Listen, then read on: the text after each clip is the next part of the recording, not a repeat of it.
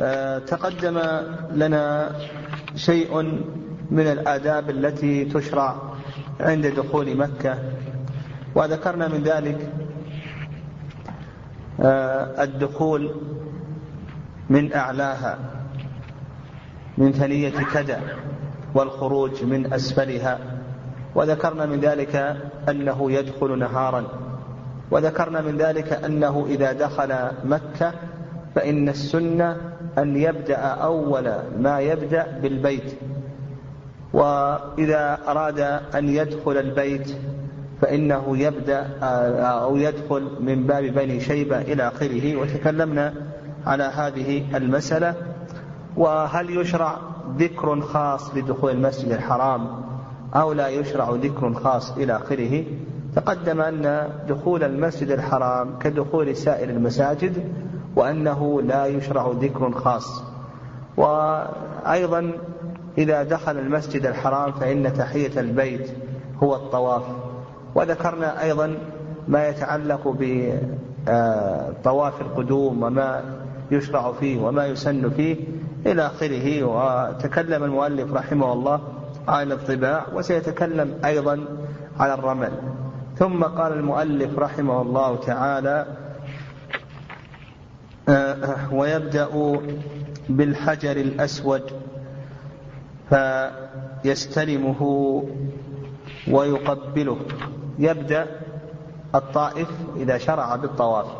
أولا آه، سبق نشرنا إلى أن السنة للإنسان أن يبدأ السنة للإنسان إذا قدم مكة أن يبدأ بالبيت. وألا يعرج على شيء حتى يأتي البيت. هذا هو هدي النبي صلى الله عليه وسلم.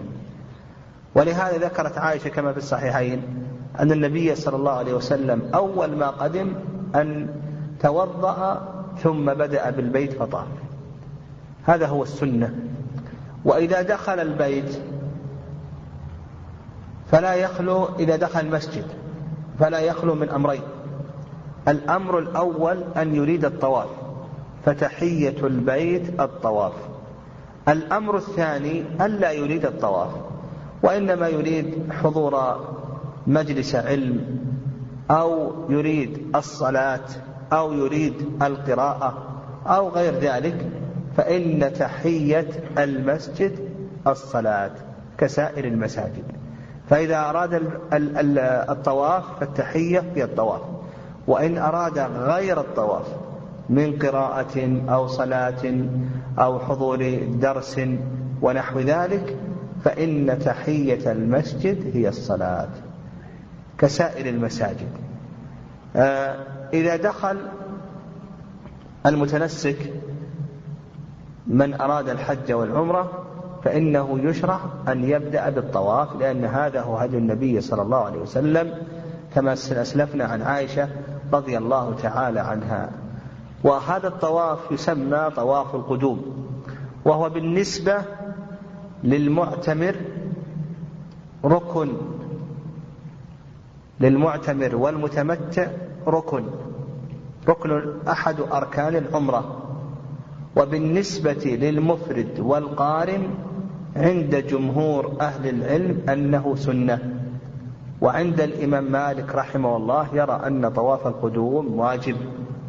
والصحيح في ذلك أن طواف القدوم سنة وليس واجبا وهذا هو قول جمهور أهل العلم رحمهم الله تعالى ويدل لذلك حديث عروة ابن مضرس رضي الله تعالى عنه فإن عروة بن مضرس رضي الله تعالى عنه قدم حاجا ومع ذلك لم يطف طواف القدوم وإنما أتى ماذا؟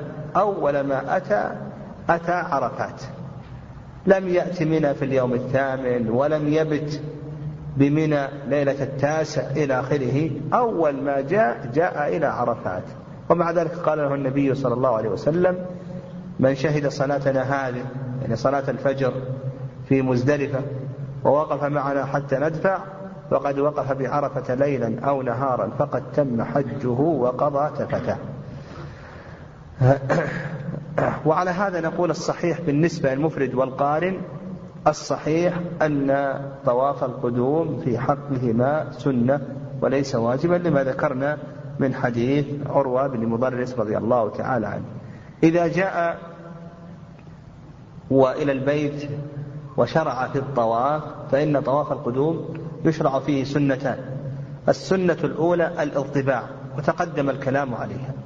والسنة الثانية الرمل وسيأتي إن شاء الله نعم سيأتي إن شاء الله بيانها. نعم.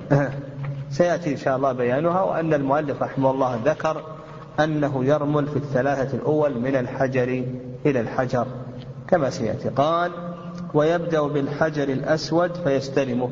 وهذا هو هدي النبي صلى الله عليه وسلم وعلى هذا لا يشرع أن يبدأ قبل الحجر الأسود. بل هذا بدعة وخلاف هدي النبي صلى الله عليه وسلم. لهذا نعرف أن بعض الناس الذين يقولون نحتاط نحتاط ونبدأ قبل الحجر الأسود فإن هذا بدعة إلى آخره. الصحيح أن الإنسان يبدأ بالحجر الأسود وسيأتي كلام شيخ الإسلام تيمية رحمه الله وفيه سعة. يبدأ بالحجر الأسود هل يشترط إذا أراد أن يبدأ بالحجر الأسود أن يحاذيه بكل بدنه أو أن هذا ليس شرطا. هذا موضع خلاف بين أهل العلم رحمهم الله. فالرأي الأول وهو المشهور من مذهب الإمام أحمد رحمه الله أنه لا بد أن يحاذي الحجر الأسود بكل بدنه. وعلى هذا لو خرج شيء من بدنه عن محاذاة الحجر الأسود لا يجزي على المذهب لو أن بعض البدن حاذى الحجر. والبعض الثاني خرج عن محاذاة الحجر يقولون بأنه لا يجزي. بل بد أن يكون جميع بدنك محاذيا للحجر الأسود. هذا المشهور من مذهب الإمام أحمد رحمه الله. وعند شيخ الإسلام تيمية رحمه الله أن هذا ليس شرطا. فسواء حاذى الحجر بكل بدنه أو حاذاه ببعض بدنه. وعلى هذا لو أنه حاذى الحجر الأسود ببعض بدنه فإن هذا لا بأس به نعم لا بأس به.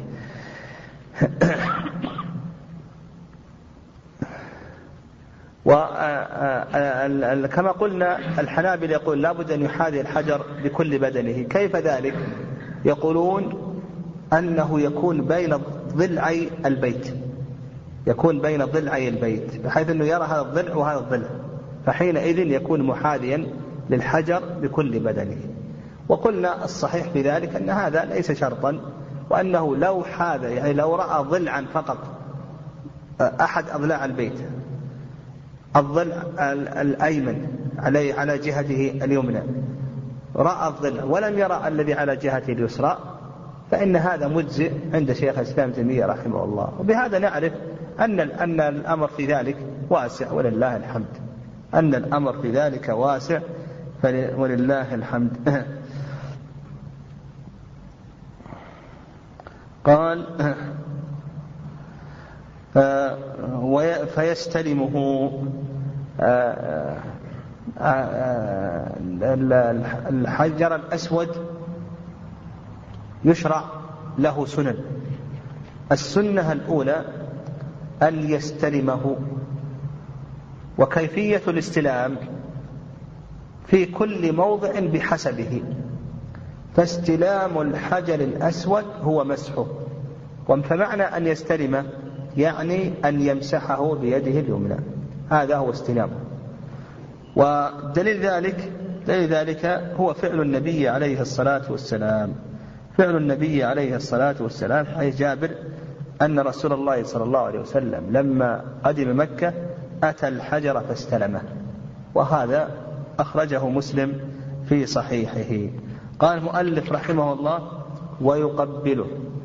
بعد أن يستلمه يقبله يعني بعد أن يمسحه بيده اليمنى يقبله. ودليل ذلك أن عمر بن الخطاب رضي الله تعالى عنه قبل الحجر وقال لولا أني رأيت رسول الله صلى الله عليه وسلم يقبلك ما قبلتك. عمر رضي الله تعالى عنه قبل الحجر وقال لولا أني رأيت رسول الله صلى الله عليه وسلم يقبلك ما قبلت. أعلم أنك حجر لا تضر ولا تنفع.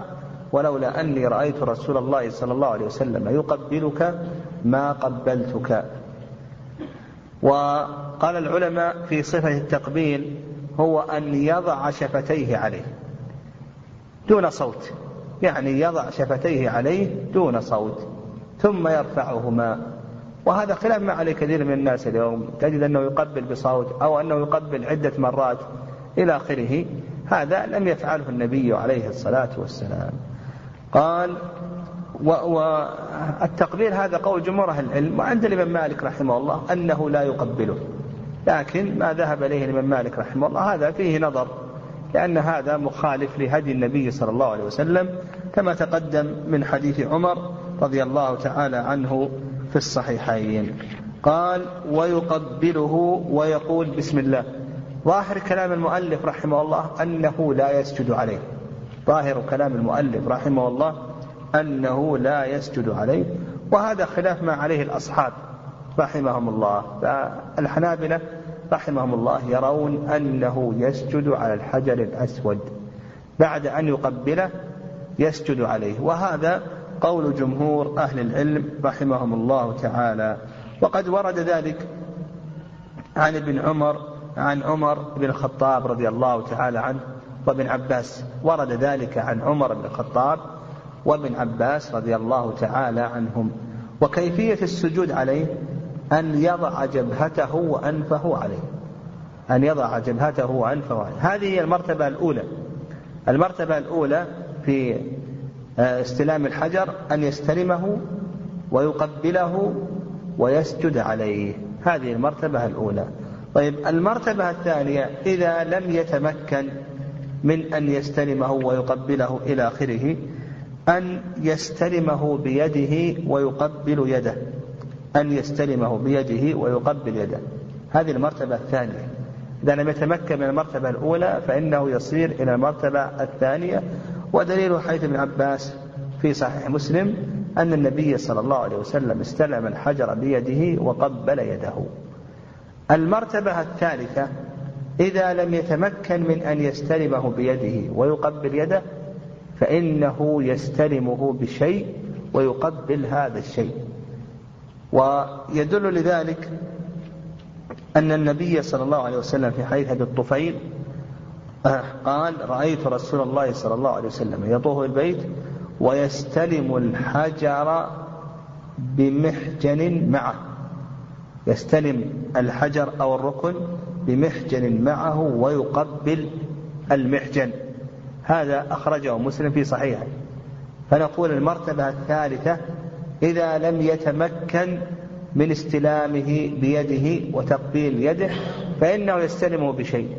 وهذا دليل حديث أبي الطفيل أنه قال رأيت رسول الله صلى الله عليه وسلم يستلم الركن بمحجن معه ويقبل المحجن. هذا أخرجه مسلم في صحيحه.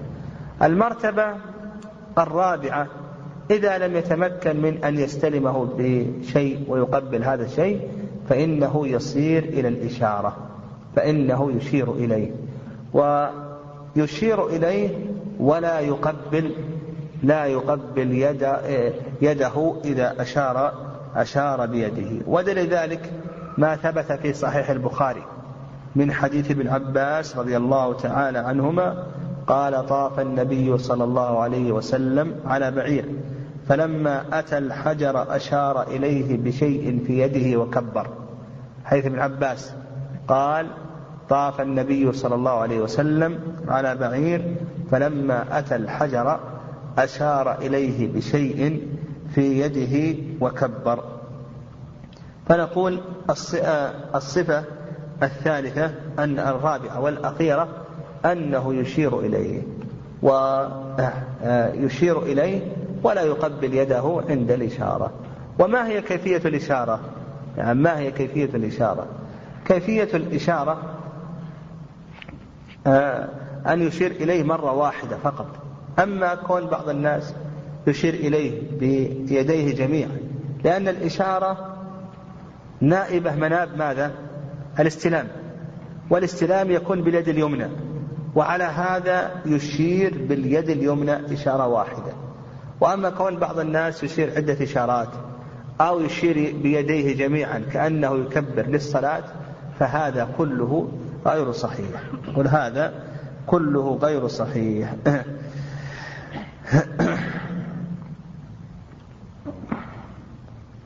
نعم. أيضا ذكر العلماء رحمهم الله أنه يشير إليه يعني آه، يشير إليه وهو مستقبل الحجر لأن الإشارة تقوم مقام ماذا؟ الاستلام. والاستلام يكون مستقبل الحجر. فكذلك أيضا آه، قال بعض أهل العلم بأنه يستقبل الحجر أو يشير إليه. قال بعض أهل العلم بأنه يشير وهو ماشي. والأمر في هذا الأمر في هذا واسع. قال ويقول بسم الله والله أكبر اللهم إيمانا بك وتصديقا بكتابك إلى آخره. أيضا هذا الذكر ما هو الذكر المشروع؟ نقول أما التكبير فهذا ثابت عن النبي صلى الله عليه وسلم كما تقدم لنا في حديث ابن عباس رضي الله تعالى عنهما في البخاري. فنقول التكبير هذا ثابت عن النبي صلى الله عليه وسلم كما تقدم في حديث ابن عباس رضي الله تعالى عنهما في البخاري. بقينا قول بسم الله هل ثبت ذلك عن النبي صلى الله عليه وسلم؟ وقول اللهم إيمانا بك. فالمؤلف ذكر ثلاثة أذكار عند استلام الحجر. بسم الله الله أكبر اللهم إيمانا بك إلى آخره. أما التكبير فهذا ثابت عن النبي صلى الله عليه وسلم كما في صحيح البخاري كما سلف. من حديث ابن عباس رضي الله تعالى عنهما. وأما قول بسم الله فهذا ثابت عن ابن عن ابن عمر رضي الله تعالى عنهما. وأما قول اللهم إيمانا بك وتصديقا بكتابك فهذا لم يثبت مرفوعا. يعني ليس ثابتا عن النبي صلى الله عليه وسلم وإنما ورد ذلك عن علي بن أبي طالب رضي الله تعالى عنه وعن ابن عمر رضي الله تعالى عنه. وارد عن علي وابن عمر رضي الله تعالى عنهما. فأصبح عندنا الذي ثبت في السنة ماذا؟ قول بسم الله الله أكبر. أما التسمية وقول اللهم إيمانا بك فهذا ليس ثابتا عن النبي صلى الله عليه وسلم وإنما ورد ذلك عن الصحابة رضي الله تعالى عنهم. قال ثم يأخذ عن يمينه الطواف نعم الطواف يشترط له شروط. آه، الشرط الأول نعم الشرط الأول كما تقدم عند الحنابلة رحمه الله أنه يشترط أن يحاذي الحجر بكل بدنه. وذكرنا أن هذا ليس شرطا عند شيخ الإسلام تيمية رحمه الله. الشرط الثاني الشرط الثاني هنا ما ذكره المؤلف رحمه الله. قال ثم يأخذ عن يمينه ويجعل البيت عن يساره. يجعل البيت عن يساره. هذا هو الشرط الثاني أن يجعل البيت عن يساره. وعلى هذا لو طاف منكسا وجعل البيت عن يمينه فإن هذا غير مجزئ غير مجزئ. وقد ذكر العلماء رحمهم الله بأن جعل البيت عن يسار الطائف كجعل البيت في وجه المصلي. فقالوا بأن جعل البيت في وجه المصلي هذا مثله جعل البيت عن يساره بالنسبة للطائف. فيجعلون كل منهما شرط كما أن المصلي يجب عليه أن يجعل البيت قبل وجهه فكذلك أيضا الطائف يجب عليه أن يجعله آه، عن يساره. يعني يجب عليه أن يجعله عن يساره. نعم, وهذا نعم نعم هذا ما عليه جماهير أهل العلم رحمهم الله تعالى. نعم هذا ما عليه جماهير أهل العلم رحمهم الله تعالى. آه، و, و نعم وعلى هذا لو طاف منكسا فإن طوافه لا يصح. لكن لو في أثناء الزحام لو أن الإنسان في أثناء الزحام آه، آه، تقدم بعض الخطوات وظهره إلى البيت أو وجهه إلى البيت أو نحو ذلك فإن هذا يعفى عنه. مثل هذه الأشياء اليسيرة هذه يعفى عنها. قال و نعم.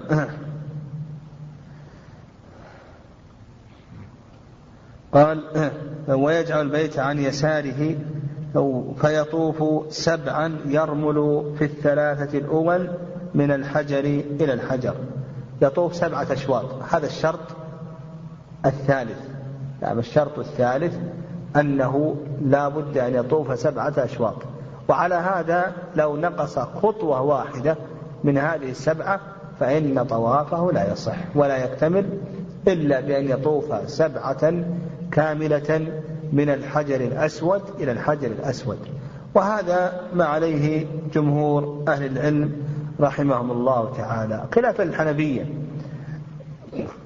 الحنفية يقولون أنه إذا أتى بالأكثر يكفي. إذا أتى بأربعة أشواط كفى ذلك. فإن كان في مكة فإنه يعيد وإن خرج عن مكة فإنه يلزمه دم. ويقولون بأن الأكثر له حكم ماذا؟ حكم الكل الأكثر له حكم الكل. والصحيح في ذلك ما ذهب إليه جمهور أهل العلم رحمهم الله وأنه لا بد أن يطوف سبعة أشواط. والله عز وجل قال وليطوفوا بالبيت العتيق. هذا أمر هذا أمر. وكيفية هذا الطواف؟ بينه النبي صلى الله عليه وسلم وفسره آه، بفعله. نعم. وأيضا أمر النبي عليه الصلاة والسلام بالطواف بالبيت. بينه النبي عليه والسلام بفعله وأنه طاف سبعة أشواط. آه، الشرط الرابع النية. نعم الشرط الرابع النية.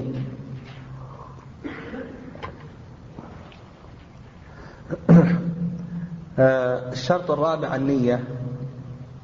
لأن الإنسان قد يدور بالبيت وهو يريد الطواف وقد يدور بالبيت وهو لا يريد الطواف وإنما يريد ملاحقة غريم أو رفقة مريض أو صاحب أو امرأة ونحو ذلك. فلا بد لا بد من النية. لكن هل يشترط نية خاصة للطواف أو لا يشترط؟ يعني هل يشترط أن يعين الطواف أو نقول بأن هذا ليس شرطا؟ هذا موضع خلاف بين أهل العلم رحمهم الله. والصحيح في ذلك أنه لا يشترط. أن يعين يعني لا بد يعني إذا أراد أن يطوف هل يشترط أن ينوي أنه طواف الإفاضة أو يكفي نية الطواف؟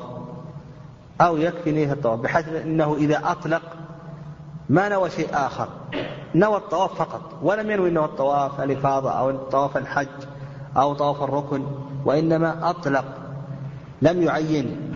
فهل هذا كاف أو ليس كافيا؟ هذا موضع خلاف والصحيح في ذلك أنه كافي يعني الصحيح في ذلك أنه كافي لأن الطواف هذا جزء من أجزاء هذه العبادة عبادة الحج. وكما أن الإنسان في الصلاة لا ينوي الركوع لا يجعل للركوع نية خاصة وللسجود نية خاصة. فكذلك أيضا قالوا هذا لا يشترط أن ينويه نية خاصة إلى آخره. طيب آه، الشرط الخامس الشرط الخامس.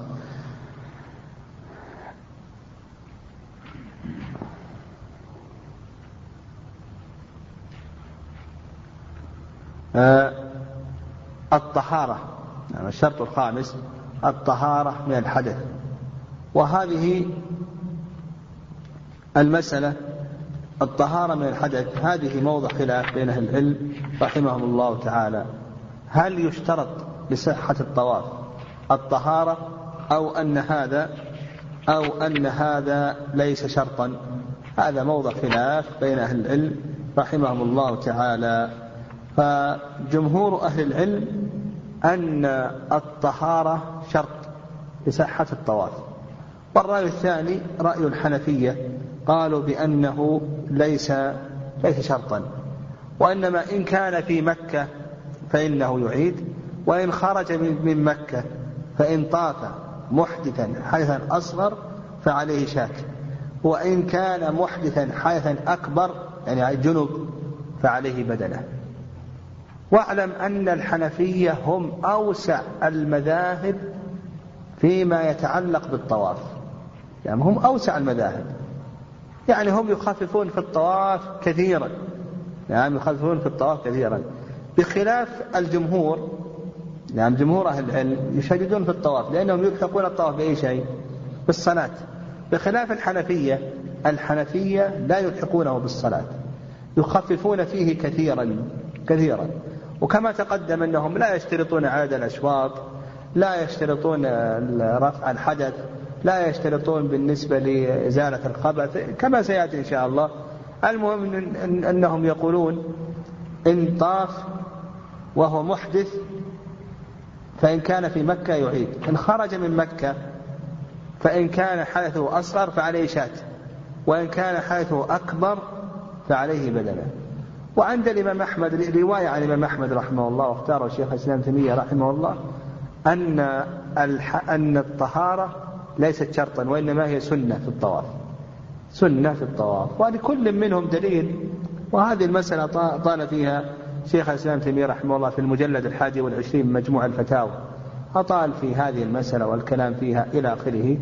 ومن أدلة الجمهور حديث عائشة رضي الله تعالى عنها أنها قالت أول ما بدأ به ما بدأ به النبي صلى الله عليه وسلم لما قدم أن توضأ ثم طاف.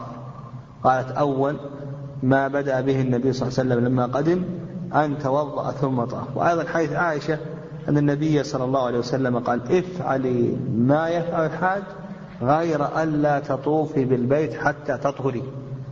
غير ألا تطوفي بالبيت حتى تطهري. وفي لفظ عند مسلم حتى تغتسلي. في لفظ عند مسلم حتى تغتسلي. هذا تمسك به جمهور أهل العلم رحمه الله. والرأي الثاني الذين قالوا بأنه سنة قالوا بأنه لم يرد أن النبي عليه الصلاة والسلام لما أراد الطواف قال لا طواف إلا بوضوء كما قال ذلك في الصلاة. مع أن النبي صلى الله عليه وسلم حج معه الجمع الغفير من الصحابة رضي الله تعالى عنهم. ولو كان هذا آه، شرطا لا آه، توافرت الهمم على نقله لأن هذا مما تعم به البلوى. مما تعم به البلوى.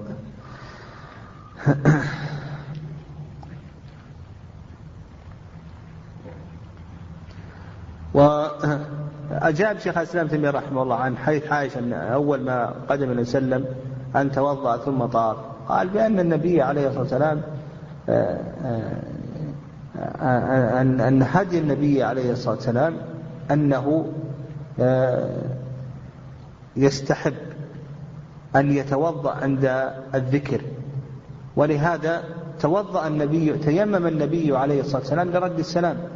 وقال كرهت أن أذكر الله إلا إلا على طهر. كرهت أن أذكر الله إلا على طهر. فالنبي عليه الصلاة والسلام يتوضأ لكل صلاة وأن النبي عليه الصلاة والسلام تيمم لرد السلام إلى آخره. وأما حديث عائشة رضي الله تعالى عنها فقال بأن عائشة منعت من الطواف بالبيت ليس لأجل الحدث وإنما لأجل أن الحائض ممنوعة من دخول البيت. فقال حتى تطهر يعني ينقطع الدم. قول حتى تغتسلي أيضا تتطهري من دم الحيض. فقال بأن الحائض ممنوعة من دخول المسجد وليس لأجل حدث وإنما لكونها حائضا فمنعت من ذلك. طيب الشرط الثالث الشرط الثالث آه، آه، الشرط السادس. الشرط السادس الطهارة من الخبث. نعم يعني الطهارة من الخبث. هل هذا شرط أو ليس شرطا إلى آخره؟ هذا عند جمهور أهل العلم رحمهم الله أنه شرط وعند الحنفية أنه ليس شرطا.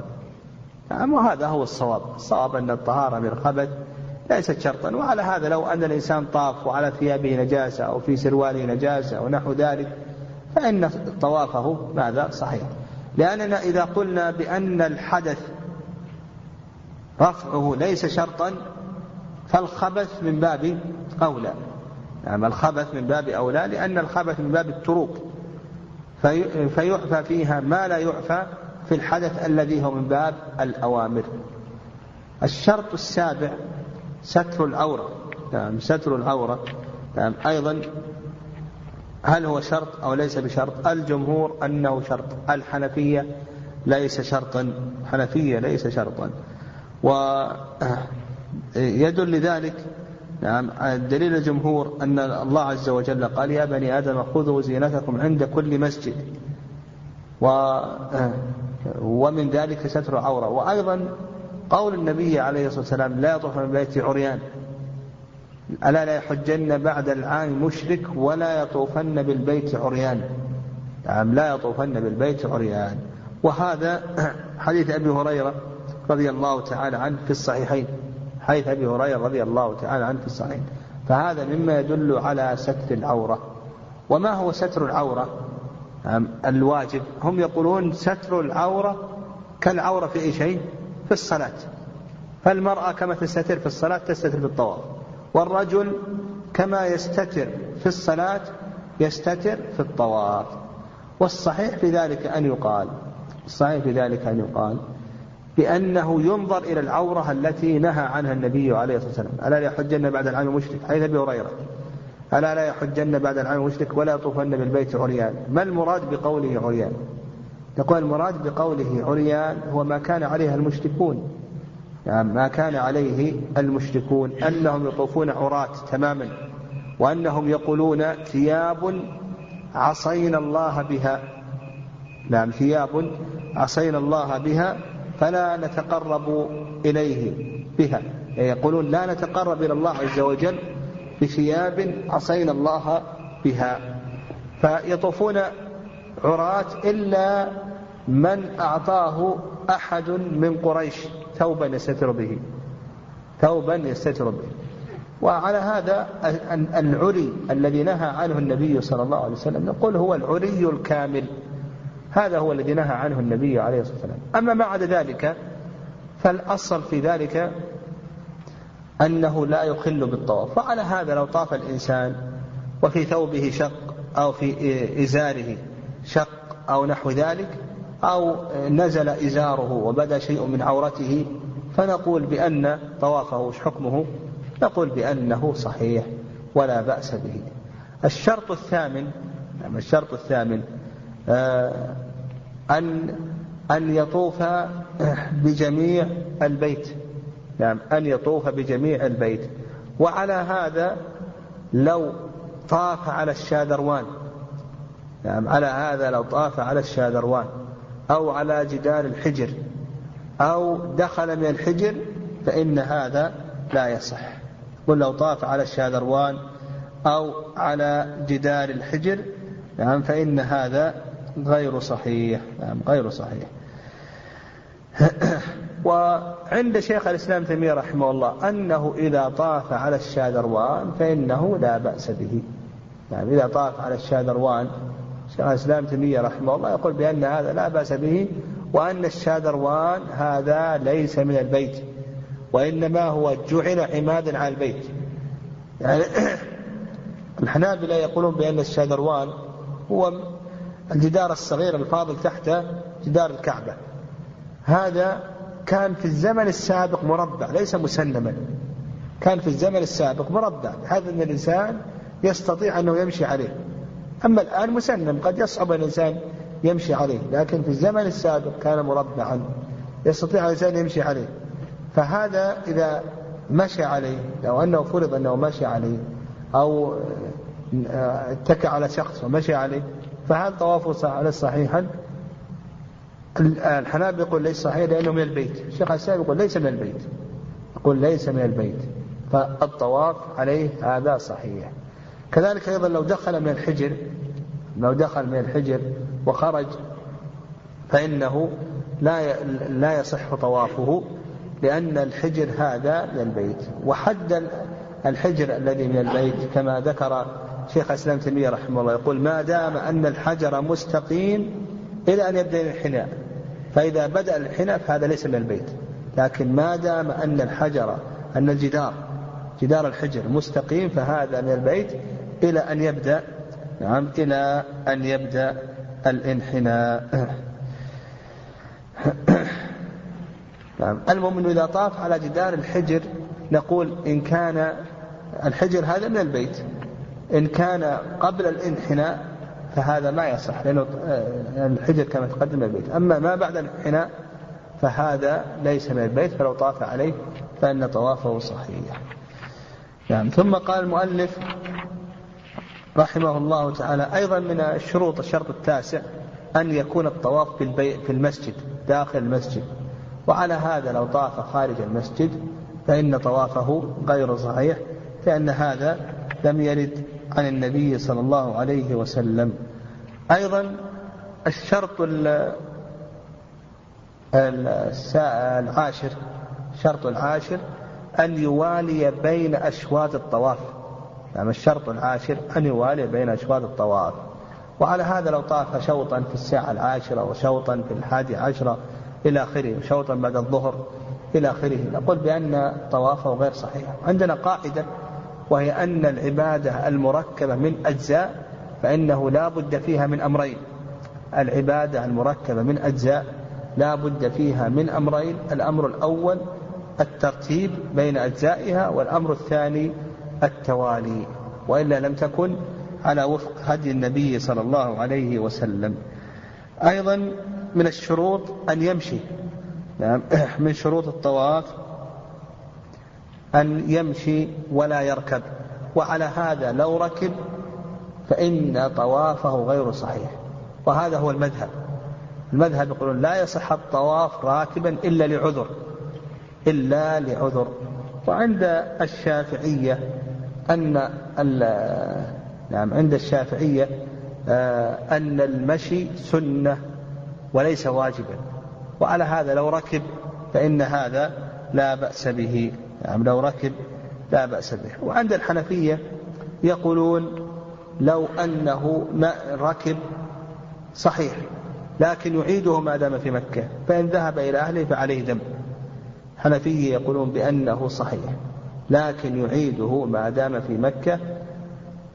آه، ولو أنه ذهب فعليه دم. والأحوط في ذلك الأحوط في ذلك أنه يمشي. هذا الأحوط. لأن هذا هدي النبي عليه الصلاة والسلام والنبي عليه الصلاة والسلام لم يركب إلا لعذر. لما غشوه الناس وأصبحوا ينظرون إليه ويقتدون بفعله ليقتدوا بفعله ركب النبي عليه الصلاة والسلام. قال يرمل في الثلاثة الأول من الحجر إلى الحجر.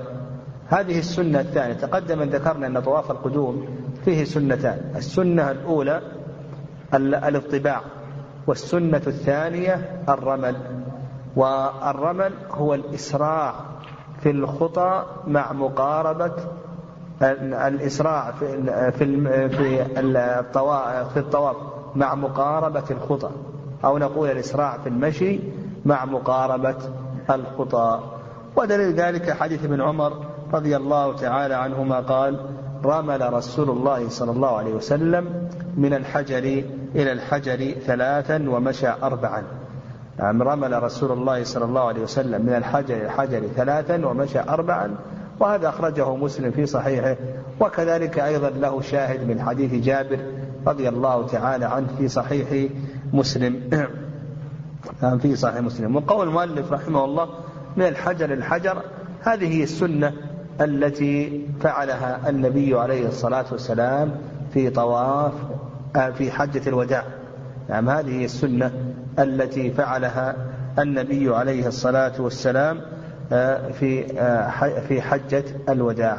وإلا ففي العمرة في عمرة القضية أن النبي صلى الله عليه وسلم أمرهم أن يرموا ثلاثة أشواط وأن يمشوا ما بين الركنين. يمشوا ما بين الركنين لأنهم إذا مشوا بين الركنين لا يراهم المشركون. المشركون لا يرونهم. فأمرهم النبي صلى الله عليه وسلم إبقاء على الصحابة أن يمشوا بين الركنين. وهذا نسخ فإن النبي عليه الصلاة والسلام في حجة الوداع كما حيث ابن عمر وحيث جابر وغيرهما رمل من الحجر إلى الحجر الأسود. وعلى هذا نقول بأن السنة أن يرمل من الحجر إلى الحجر وأما المشي بين الركنين فإن هذا كان في عمرة القضية ونسخ ذلك. والحكمة من الرمل هو إغاظة المشركين فإن المشركين قالوا يقدم يقدم عليكم قوم وهنتهم حمى يثرب. يعني أضعفتهم حمى يثرب. فأمر النبي صلى الله عليه وسلم الصحابة أن يرملوا أن يسرعوا في الخطى وأن يقاربوا بينها وأن يمشوا بين الركنين لأنهم إذا كانوا بين الركنين يسترون عن كفار قريش لا يرونهم. ثم بعد ذلك نسخ ذلك ورمل النبي عليه الصلاة والسلام من الحجر الحجر يعني في جميع يعني في جميع الشوط. وكما قلنا سبب الرمل هو قول المشركين إلى آخره وهذا ثابت من حديث ابن عباس رضي الله تعالى عنهما في الصحيحين. قال من الحجر إلى الحجر وقوله يرمل قال ويمشي في الأربعة الأخرى. وهذا دل له ما تقدم من حديث ابن عمر رضي الله تعالى عنهما أن النبي صلى الله عليه وسلم رمل من الحجر آه، رمل في الأشواط الثلاثة الأول من الحجر الحجر ومشى في الأشواط الأربعة. وعلى هذا نقول السنة أن يرمل في موضع الرمل ويمشي في موضع المشي. وعلى هذا لو أن الإنسان نسي أن يرمل في الأشواط الثلاثة الأول فنقول لا يرمل في الأشواط, في الأشواط الأربعة الباقية لأن السنة في الأشواط الأربعة الباقية ماذا؟ المشي. السنة المشي لو أنه رمل شوطا في الش... يعني نسي ولم يرمل إلا في شوط واحد فقط الثالث. فنقول بأنه آه، لا يقضي هذا في الأشواط الأربعة الباقية. يعني لا يقول أرمل في شوطين لأن السنة في الأشواط الأربعة الباقية هو أن يمشي. ولو أنه لو أن الإنسان آه، لم يتمكن من الرمل لكثرة الناس. لكن إذا ابتعد عن البيت خف الزحام ويتمكن من الرمل. فهل نقول يقرب من البيت ويترك الرمل أو نقول بأنه يبتعد ويرمل؟ نقول الثاني بأنه يبتعد ويرمل. وذكر العلماء رحمه الله لذلك ضابطا. والضابط هو أن الفضل المتعلق بذات العبادة أولى بالمراعاة من الفضل المتعلق بزمان العبادة أو مكانها. يعني هذه ضابط هذا أن الفضل المتعلق بذات العبادة أولى بالمراعاة من الفضل المتعلق بزمان العبادة أو مكان العبادة. مثال زمان العبادة. السنة أن يصلي الإنسان السنة أن يصلي الإنسان الصلاة في أول وقتها.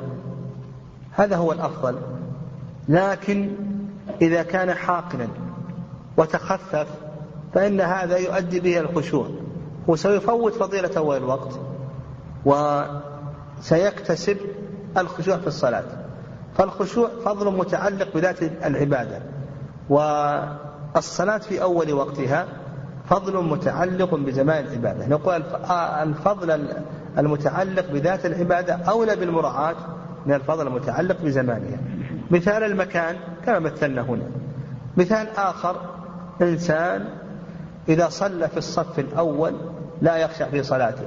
مثلا يكون عنده شخص قد أكل ثوما أو بصلا أو أحد يشوش عليه إلى غيره لكن إذا تأخر في الصف الثاني فإنه يكون أحرى أن يخشع فنقول هنا يتأخر لأنها لأن الفضل المتعلق بزمان بمكان بذات العبادة أولى بالمراعاة من الفضل المتعلق بمكانها. قال ويمشي في الأربعة وكلما حاذ الركن اليماني والحجر استلمهما وكبر. أما الركن اليماني آه، أما الحجر الأسود فهذا هو السنة. السنة أنه كلما حاذى فإنه يستلمه. ويدل لذلك حديث ابن عمر رضي الله تعالى عنهما قال كان رسول الله صلى الله عليه وسلم لا يدع أن يستلم الركن اليماني والحجر في طوافه. يقول كان رسول الله صلى الله عليه وسلم لا يدع أن يستلم الركن اليماني والحجر الأسود في طوافه. وأيضا حديث ابن عمر رضي الله تعالى عنهما هذا الحديث أخرجه أبو داود الذي يسرنا عليه وإسناده حسن وأيضا حديث ابن عمر رضي الله تعالى عنهما في صحيح مسلم أنه قال ما تركت استلام هذين الركنين منذ رأيت رسول الله صلى الله عليه وسلم يستلمهما. ما تركت استلام هذين الركنين منذ رأيت رسول الله صلى الله عليه وسلم يستلمهما. فنقول بالنسبة للحجر الأسود هذا يستلمه. وهل يقبله؟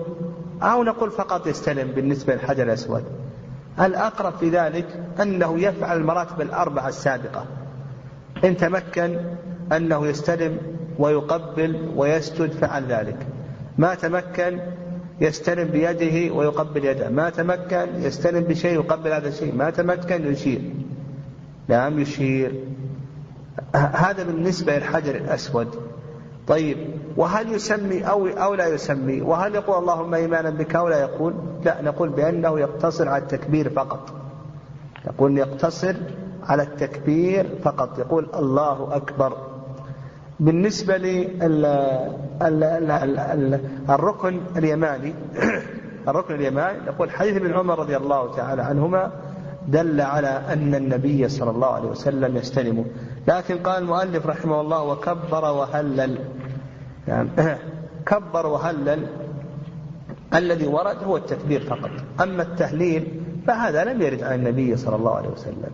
كذلك أيضا بالنسبة للركن اليماني لم يرد أن النبي صلى الله عليه وسلم كبر عند استلامه. وعلى هذا نقول بأنه يستلمه فقط دون أن يكبر. وهل يقبله أو لا يقبله؟ نقول لا يقبله. وهل إذا تعذر عليه أن يستلمه هل يشير إليه؟ يعني الركن اليماني إذا تعذر عليه أن يستلمه هل يشير إليه؟ نقول هذا لم يرد. وعلى هذا نقول الركن اليماني السنة فيه فقط الاستلام يعني أن يمسحه بيده اليمنى. أما التقبيل والإشارة والتكبير فهذا كله لم يرد عن النبي صلى الله عليه وسلم. وقلنا بالنسبة للحجر الأسود ذكرنا هل يستلمه فقط أو يستلم ويقبل ويسجد إلى آخره؟ هذا موضع خلاف بين أهل العلم. بعض أهل العلم يقول هذه المراتب إنما تكون في أول شيء أول شيء. لكن الصحيح الصحيح في ذلك أنه يفعل مراتب الأربعة كما تقدم لنا. أنه يستلم ويقبل ويسجد إذا لم يتمكن يستلم بيده اليمنى ويقبل يده اليمنى. إذا لم يتمكن يستلمه بشيء ويقبل هذا الشيء. إذا لم يتمكن يشير إليه كما سلم قال ويقول بين الركنين ربنا آتنا في الدنيا حسنة وفي الآخرة حسنة وقنا عذاب النار. يقول بين الركنين هذا الذكر ويفهم من كلام المؤلف رحمه الله أنه ليس هناك ذكر وارد عن النبي صلى الله عليه وسلم ليس هناك ذكر وارد عن النبي عليه الصلاة والسلام ما عدا ما ذكر لأنه ذكر ما يقال عند آه، استلام الحجر الأسود وذكر أيضا ما يقول بين الركنين ولم يذكر شيئا آخر. لم يذكر شيئا آخر. وبهذا نعرف أن آه، بقية الطواف أنه ليس هناك ذكر وارد عن النبي صلى الله عليه وسلم. بل الإنسان يذكر ويهلل يهلل ويسبح ويحمد ويقرأ القرآن إلى آخره وأما بالنسبة كونه يأتي بذكر وارد عن النبي صلى الله عليه وسلم يأتي بذكر مخصوص فهذا لم يرد عن النبي عليه الصلاة والسلام. وبهذا نعرف أن ما يوضع دعاء الشوط الأول دعاء الشوط الثاني إلى آخره أن هذا بدعة لأن هذا تخصيص هذا الدعاء في هذا المكان وهو لم يرد عن النبي عليه الصلاة والسلام. هذا بدعة لأن العبادات مبناها مبناها على التوقيف. ويقول قال ويقول بين الركنين ربنا آتنا في الدنيا حسنة وفي الآخرة حسنة آه، آه، وقنا عذاب النار. وهذا دليله حديث عبد الله بن السائب أنه قال سمعت رسول الله صلى الله عليه وسلم يقول بين الركن والحجر ربنا آتنا في الدنيا حسنة وفي الآخرة حسنة وقنا عذاب النار. وهذا الحديث أخرجه الإمام أحمد وأبو داود والنسائي والحاكم وصححه الحاكم. و آه، آه، قول المؤلف رحمه الله يستلم الحجر والركن يفهم من يفهم من كلامه أنه لا يستلم الركنين الباقيين يعني الركنين الشاميين يفهم من كلامه أنه لا يستلمهما وهذا هو الصواب. صحيح أن الركنين الشاميين الباقيين أنه لا يستلمهما لأن النبي عليه الصلاة والسلام لم يستلمهما النبي عليه الصلاة والسلام لم يستلمهما. ولهذا معاوية رضي الله تعالى عنه لما أتى وطاف واستلم الأركان كلها أنكر عليه. نعم أنكر عليه وأن النبي عليه الصلاة والسلام لم يستلم إلا هذين الركنين. والحكمة في استلام الحجر الأسود والركن اليماني أنهما على قواعد إبراهيم. أما بالنسبة للركنين الشاميين فهما ليس على قواعد إبراهيم وإنما هو وإنما هما داخل البيت. هما داخل البيت وليس من قواعد إبراهيم. قال ويدعو في سائره بما أحب. يعني يدعو في سائر الطواف بما أحب بما أحب من خير الدنيا والآخرة.